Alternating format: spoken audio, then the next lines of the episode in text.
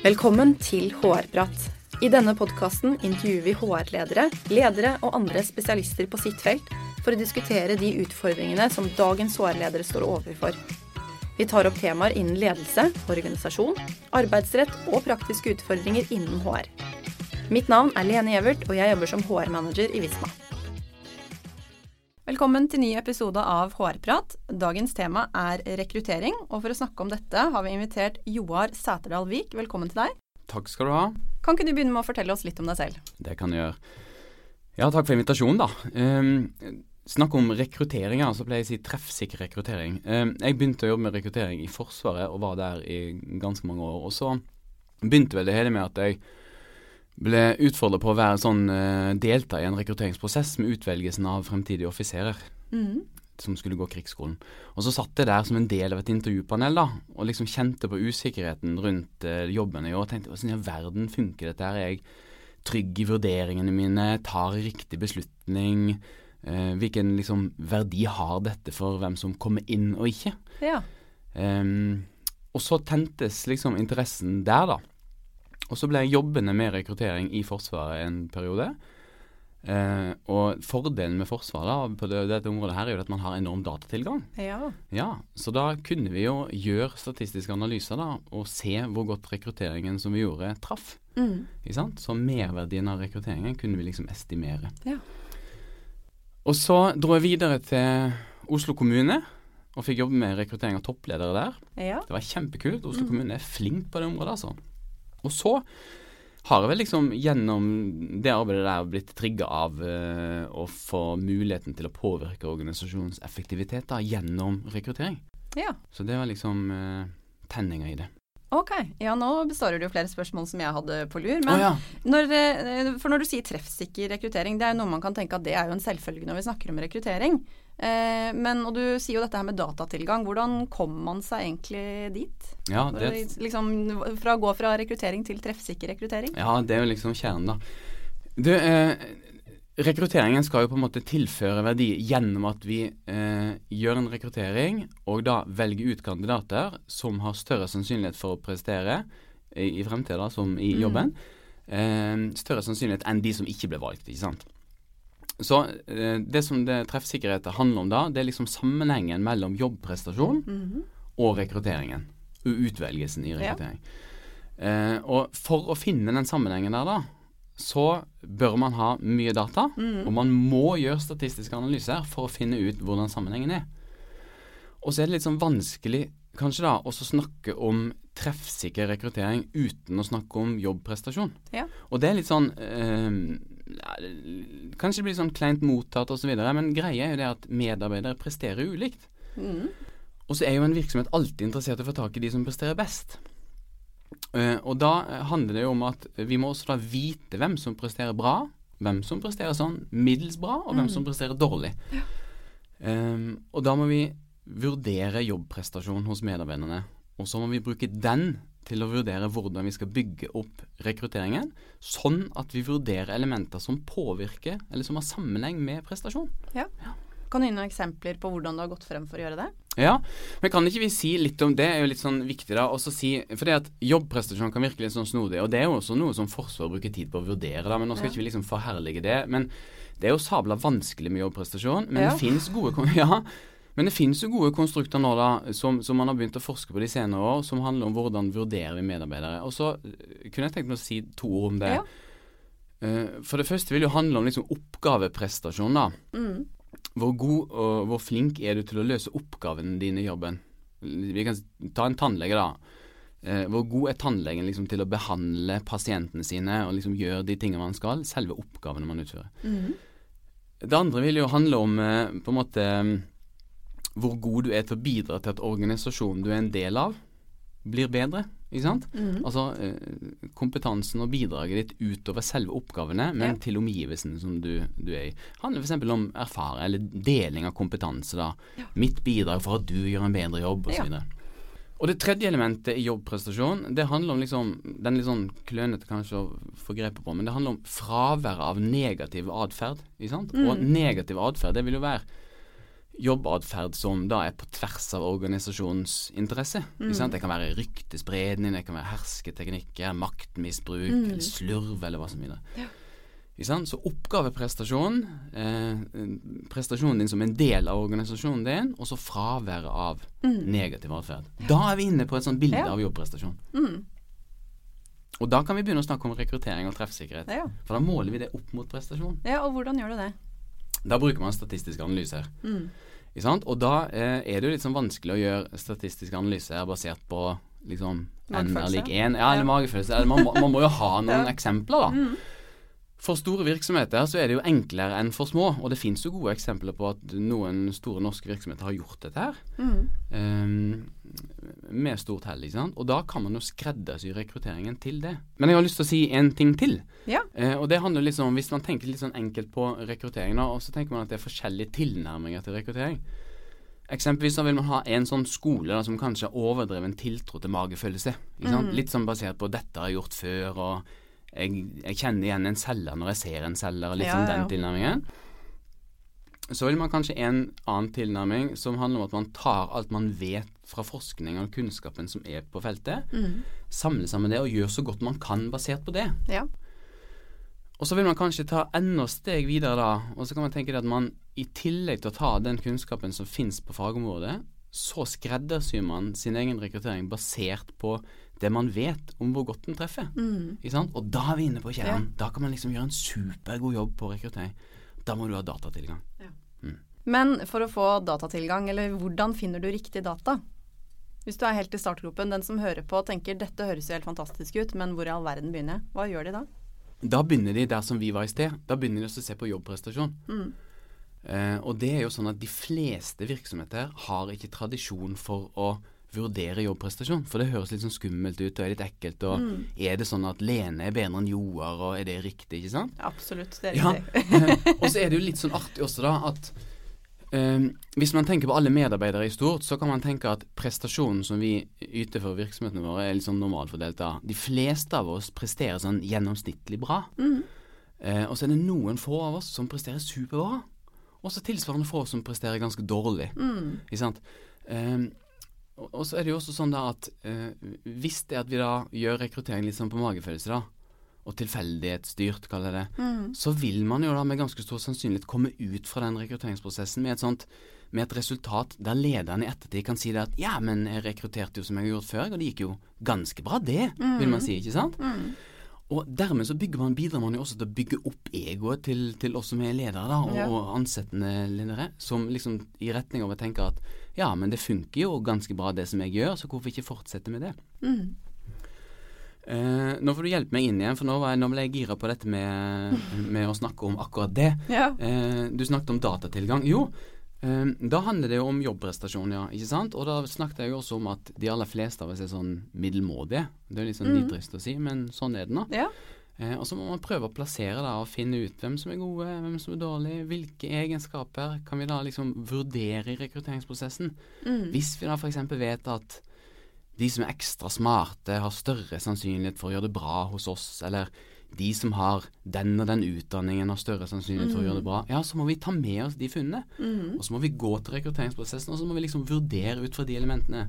La oss jakte på de kloke hodene, la oss jakte på de med riktig utdanningsbakgrunn, Mm. eller riktig erfaringsbakgrunn, ikke sant. Man må ta de elementene som man vet bidrar til eh, høy prestasjon Mm. i stillingen. Og ikke bare kopiere personen som kanskje sluttet som man skal erstatte, som kanskje er en litt sånn vanlig at vi starter med å finne han som går ut døra, det er han vi skal ha inn igjen. Ja, da må man i hvert fall må man i hvert fall sørge for å kopiere en person som var sabla bra, da. Ja, Ja. absolutt. Men eh, enig i det. Men eh, eh, rekrutteringsfaget er jo et krevende fagfelt med mange fallgruver også. Eh, nå har du snakket litt om jobbprestasjon, men har du noen tanker om hvilke andre ting man bør gjøre for å øke kvaliteten i rekrutteringsarbeidet? Ja, eh, det da har jeg lyst til å si sånn at eh, hvis man starter med en sånn porsjon ydmykhet, da, eh, for egen vurderingsevne, ikke sant? At man er litt sånn ydmyk til, til denne der tiltroen til at jeg er så fryktelig god til å vurdere hvor dyktige andre mennesker er i jobbene sine. Mm. For det er ganske vanskelig. Ja. Og den sitter sterkt i oss, fordi at til daglig som mennesker går vi rundt og vurderer hverandre hele tida. Mm. Nå vurderer Lene, og du vurderer Jo, osv. underveis. Eh, og dermed så blir vi sånn fort forledet til å tro at vi er gode til akkurat det. Mm. Men å vurdere andres potensial for jobbprestasjon er krevende. Så en dash ydmyk, ydmykhet, det er liksom starten. Mm. Og så er liksom greie nummer to, når man bygger prosessen da, eh, sørg for at man bygger en prosess som måler kandidatene likt på tvers. Altså at kandidat A måles på samme måte, på de samme elementene, samme metodene som kandidat B, C og D osv. Og er det en gang sånn at du rekrutterer liksom eh, eh, gjentatte ganger til samme stillinger, så sørg for at du gjør rekrutteringen likt fra gang til gang. Ja. Det er viktig. Mm. Og så eh, er jo kanskje det andre elementet liksom at man må sørge for, som vi var inne på i sted, å bruke tida i rekrutteringen på det som har noe relevans. Mm. Ikke sant? Eksempelvis, Jeg kan gi et eksempel fra Oslo kommune. da. Eh, der hadde jeg et inntrykk når jeg jobba der, et par ganger som at dette med sånn skriftlig fremstillingsevne eller erfaring fra byråkratiet, da, det var veldig viktig. Ok. Ikke sant? Mm. Eh, og det kan godt hende fornuftig, men vi var jo ikke helt sikre. Vi var jo ikke sikre på at en person som hadde jobba i departement eller en statlig virksomhet, hadde større sannsynlighet for å gjøre det bra i Oslo kommune enn noen som ikke hadde vært der. Mm. Ikke sant? Ja. Sånn at da sto vi jo i en fare for å bruke tida på å vurdere ting som ikke vi visste hadde noe relevans. Mm. Ja. Så man må passe på at man, man bruker tida på å måle de tingene som har relevans. Eh, og så er det et sånt siste sånn element i den, til det spørsmålet ditt. da. Det må jo kanskje være det at um, Jeg prøver er Kanskje litt sånn frekk tanke, da. Men hvis man forsøker å tenke sånn at man snur litt på det, og så sier man i motsetning til å tenke at jeg skal vite mest mulig om kandidaten før jeg møter vedkommende i et intervju eller tilsvarende, snu på det. Tenk deg at du egentlig ikke skal vite så forferdelig mye. For det, jo Mm. mer du vet, jo mer farga er du. Jo Ja. mer biased er du, altså jo mer utsatt for fallgruver er du, ikke sant? Mm. Jo flere hypoteser gjør du deg om hvem er det som kommer inn i rommet, hvem er denne kandidaten. Mm. Jeg pleide å gå frekt rundt i Oslo kommune når jeg jobba der, og så pleide jeg å si at vet du hva, jeg gidder ikke lese søknadstekster. Hopp over det. Ja. Vil ikke vite det engang. Mm. Ikke sant? Eh, jeg går rett på disse kriteriene som vi har blitt enige om å måle istedenfor. Mm. Og så kan jeg heller gå tilbake og se på søknadsteksten etterpå. Ja. Dermed så vet jeg mindre om kandidaten når jeg møter vedkommende, Mm. enn hva som er vanlig. Det er en fordel. Mm. Ja. Så Ja. dermed så er det litt sånn, det er jo litt sånn frekt da å si at man ikke gidder å lese en søknad. Det må man egentlig ikke si høyt til kandidatene, for det er ofte der man bruker tida si på når man sender en søknad. Ja, Ja. absolutt. Mm. Men uh, jeg ser poenget. Mm. Men uh, magefølelse er noe som ofte omtales som en fallgruve. Mm. Hva kan vi gjøre med den? Ja, den er jo den er viktig, og den er den vanskelig. Eh, den er viktig på den måten at altså, man er nødt til å ha respekt for magefølelsen. For hvis du liksom bare latterliggjør den, enten som ekstern konsulent eller som inhouse rekrutterer, så vil man liksom ikke komme, nå frem hos lederen som rekrutterer. Fordi at man sitter uansett med denne magefølelsen. ikke sant? Mm. Dermed må, den, må man ta den på alvor. Og så er det sånn at hva er nå magefølelse, da? Jo, det er jo erfaringslæring, ikke sant. Mm. Jeg har erfart tidligere at når jeg gjør dette, så skjedde dette. Mm. Um, og dermed så, så sitter det sterkt i meg. Så da er jo liksom tipset å bare ta den magefølelsen på alvor istedenfor. Mm. Forsøk å snakke om den. Ok, vi er nå der at vi har disse kandidatene foran oss, men vi er usikre på noen av de, Mm. og så er vi usikre på hva det er vi er usikre på. Ja. Skjønner? Mm. Da må man begynne å operasjonalisere det. Sett ord på det, finn ut av det. Heng det på knagget. Hva er dette nå? Mm. Er det en personlig egenskap vi er usikre på? Er det erfaring vi er usikre på? Er det utdanningsbakgrunn? ikke sant? Man må Mm. finne det, hva det er for noe. Eh, er det holdninger eller hva som helst? ikke sant? Og Sånn sett så klarer man enten A å operasjonalisere magefølelsen, eller at man liksom klarer å prate seg bort fra det. Ja, kanskje det rett og slett var Kanskje det rett og slett var det da at jeg liksom ble litt sånn forleda av denne personen her. Kanskje det var antrekk eller andre tullete ting da Ja. som påvirker meg. Eh, Så forsøk å operasjonalisere magefølelsen. Det må jo være tipset. Mm. Og så ta den med hvis det er at man klarer å gjøre det. Men rekrutterende leder eller andre involverte kan jo ha varierende kunnskap om rekruttering, det er jo én ting, men de kan jo også ha ulike agendaer for prosessen. Eh, hvordan pleier du å jobbe med de som er involvert i de ulike prosessene? Ja, jeg tror jo på Altså hvis man hvis man er inne som, for å gi bistand til leder da, i en rekrutteringsprosess, så har jeg klokketro på operativ bistand. Mm. Hvis det skal være sånn at HR eller en eller annen slags intern funksjon i virksomheten bare skal være en kontrollfunksjon, eller ha en kontrollfunksjon, så blir man opplevd mer som en sånn slags bump i veien Ja. og et hinder enn til nytte. Ja. Ikke sant? Så det man må gjøre, er at man er inne i prosessen, tett på, og jobber underveis med rekrutterende leder i prosessen. Og dermed da, så får man også forma eh, rekrutteringen dit den bør dra, ikke sant? Eh, man får bidratt gjennom jobbanalysen, at man får funnet fram til hvilken kompetanse man faktisk er på jakt etter. Man får vært med i intervjuet, man får påvirke liksom, skal vi bruke tester, hvilke tester skal vi eventuelt bruke, osv. Eh, og så får man liksom vært så tett på og påvirka. Et, et konkret eksempel kan jo være at jeg mener jo definitivt at i en rekrutteringsprosess, når vi vurderer kandidater, så må vi sette tall på dem. Det kan virke liksom sånn brutalt og kynisk, men det handler om å sette tall på folka. Det handler om å ta dem på alvor. ikke sant? På en femdelt skala så vil en sånn gjennomsnittlig dyktig person som vi vurderer da, vil være på en treer. Ja. En som er ja, litt over gjennomsnittet, vil være på en firer, og osv. Eh, og hvis du er langt unna rekrutteringsprosessen som en rådgiver, så får du ikke påvirka på dette. Ikke sant? Er du tett på, så kan du bidra til å forme prosessen dit du mener den bør dra. Og det fikk vi også, og det synes jeg også Jeg har lyst til å gi en stor creds til, eh, til eh, ledere som jeg har fått jobba med rundt dette. For de er, ledere er stort sett åpne for dette. her. Og det, det handler kanskje om usikkerhet også, ikke sant? så man er veldig sånn takknemlig når man kommer eh, i prosessen og får med en eh, som bistand, istedenfor å være en sånn kontrollfunksjon utenfra. Ja. Men du nevner intervjuet. Eh, hvordan har du pleid å legge opp intervjuer for å øke treffsikkerheten? Ja. Eh, det kan man Intervjuet er jo liksom en sånn klassiker, da. Eh, og så pleier jeg også å si det at man kan, uh, man kan sende ut retningslinjer og guidelines og lage skjemaer og alt uh, som er, eh, men det er i intervjuet, i selve møtet, det er da magien oppstår. ikke sant? Er Der man liker eller ikke liker, eller man blir utsatt for alle disse tingene. I intervjuet så må man ha en plan. Man må ha en struktur, og man må stille spørsmål som er knytta til kompetanseområdene som man skal vurdere. Ja. Og så må man stille spørsmål som gir kandidatene mulighet for å eksponere eh, situasjoner man har stått i som er relevante. Ikke sant? Spørsmål f.eks. av typen hvilken eh, Eller har du et eksempel fra en situasjon der du sto i en bla, bla, bla. Ikke Ja. sant? Ja. Og så får vedkommende eh, forklare kort den situasjonen. Mm. Så må du få tak i hva gjorde du da? Hvilken atferd hadde du? ikke sant? Eh, hvordan løste du utfordringen? Mm. Og så må du liksom da sørge for hvordan gikk det?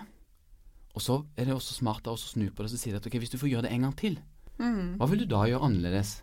Eller hva tror du bidro til suksess med måten du løste det på den gangen? Ja.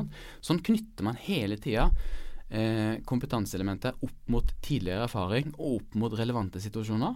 Mm. Og så er det også et sånt element i det da at vi kan alle som kandidater sitte og, og snakke i mannform. Man vet jo at, videre, ikke sant? Eh, det er mye mer krevende å snakke eh, i konkrete eksempler. Ja. Du kan tenke deg sjøl, da. Kom med et eksempel på en gang der du sto i en vanskelig vurderingssak eh, overfor en medarbeider. Ikke sant? Forklar litt om den situasjonen. Det er mye mer krevende enn, å, enn å snakke eh, generisk, da, eller generelt. Helt klart. Men tester er jo også et tema i seg selv. Eh, hvordan bruker du tester i ulike rekrutteringsprosesser? Ja, det vi eh, Det er litt sånn Fra fors, tilbake til forsvarstida, da, så er jo Forsvaret en sånn ganske sånn testvillig organisasjon. Så da blir man liksom utsatt for massive tester, da. Eh, og så har man suksess med det. Eh, og så har vi også, det har jeg lyst til å si, vi gjennom, altså, skal du bli toppleder f.eks. i Oslo kommune nå, da, så blir du utsatt for tester der òg. Eh, og så er det noe sånn at tester er ikke noe sånn mirakelverktøy. Man kan ikke, man kan ikke tenke det at vi har jo testa vedkommende, ergo må det gå bra. Sant? Tester er liksom én metode for å vurdere kompetanseelementer, i tillegg til andre metoder. Og så er det sånn at eh, hvis man tenker et hierarki av treffsikkerhet i ulike seleksjons... I ulike seleksjonsmetoder, unnskyld. Så vil det jo være sånn at tester er ganske treffs, en ganske treffsikker metode generelt sett, da, hvis man velger gode tester. Ja. Dermed bør man ta testene og gjennomføre tidlig i prosessen. Ikke sant? Ja.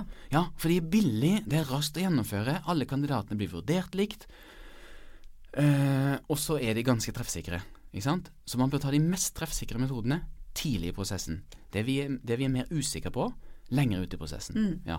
Så tips C, tidlig i prosessen med tester. Og så bruk tester som er liksom anerkjente, det må man si. Bruk bredspektra evnetester. Mm. Bruk anerkjente personlighetstester. Styr nå unna liksom utviklingsverktøy som har en sånn borderline mot personlighetsvurdering. Ja. Ja, ikke sant? Ja. Stereotypitesting og sånne ting. Styr unna i seleksjonsøyemed. Eh, og så, eh, siste elementet er kanskje liksom avklare hvor mye testene skal bety. Mm. Ikke sant? Eh, Et eksempel fra Forsvaret som vi sleit med der, da, det må jeg få lov til å dra veldig fort, det er jo det at eh, man tok tidligere med seg testresultater inn i intervjuet. Og så satt man et utvalg, eller hva skal jeg si, man satt et intervjupanel, og så vurderte man kandidaten oppsummert etter at et intervju var ferdig. Og da kunne jo vedkommende som satt med testresultatene foran seg, legge stor vekt på det, ikke sant, Ja. for en kandidat som gjorde det bra.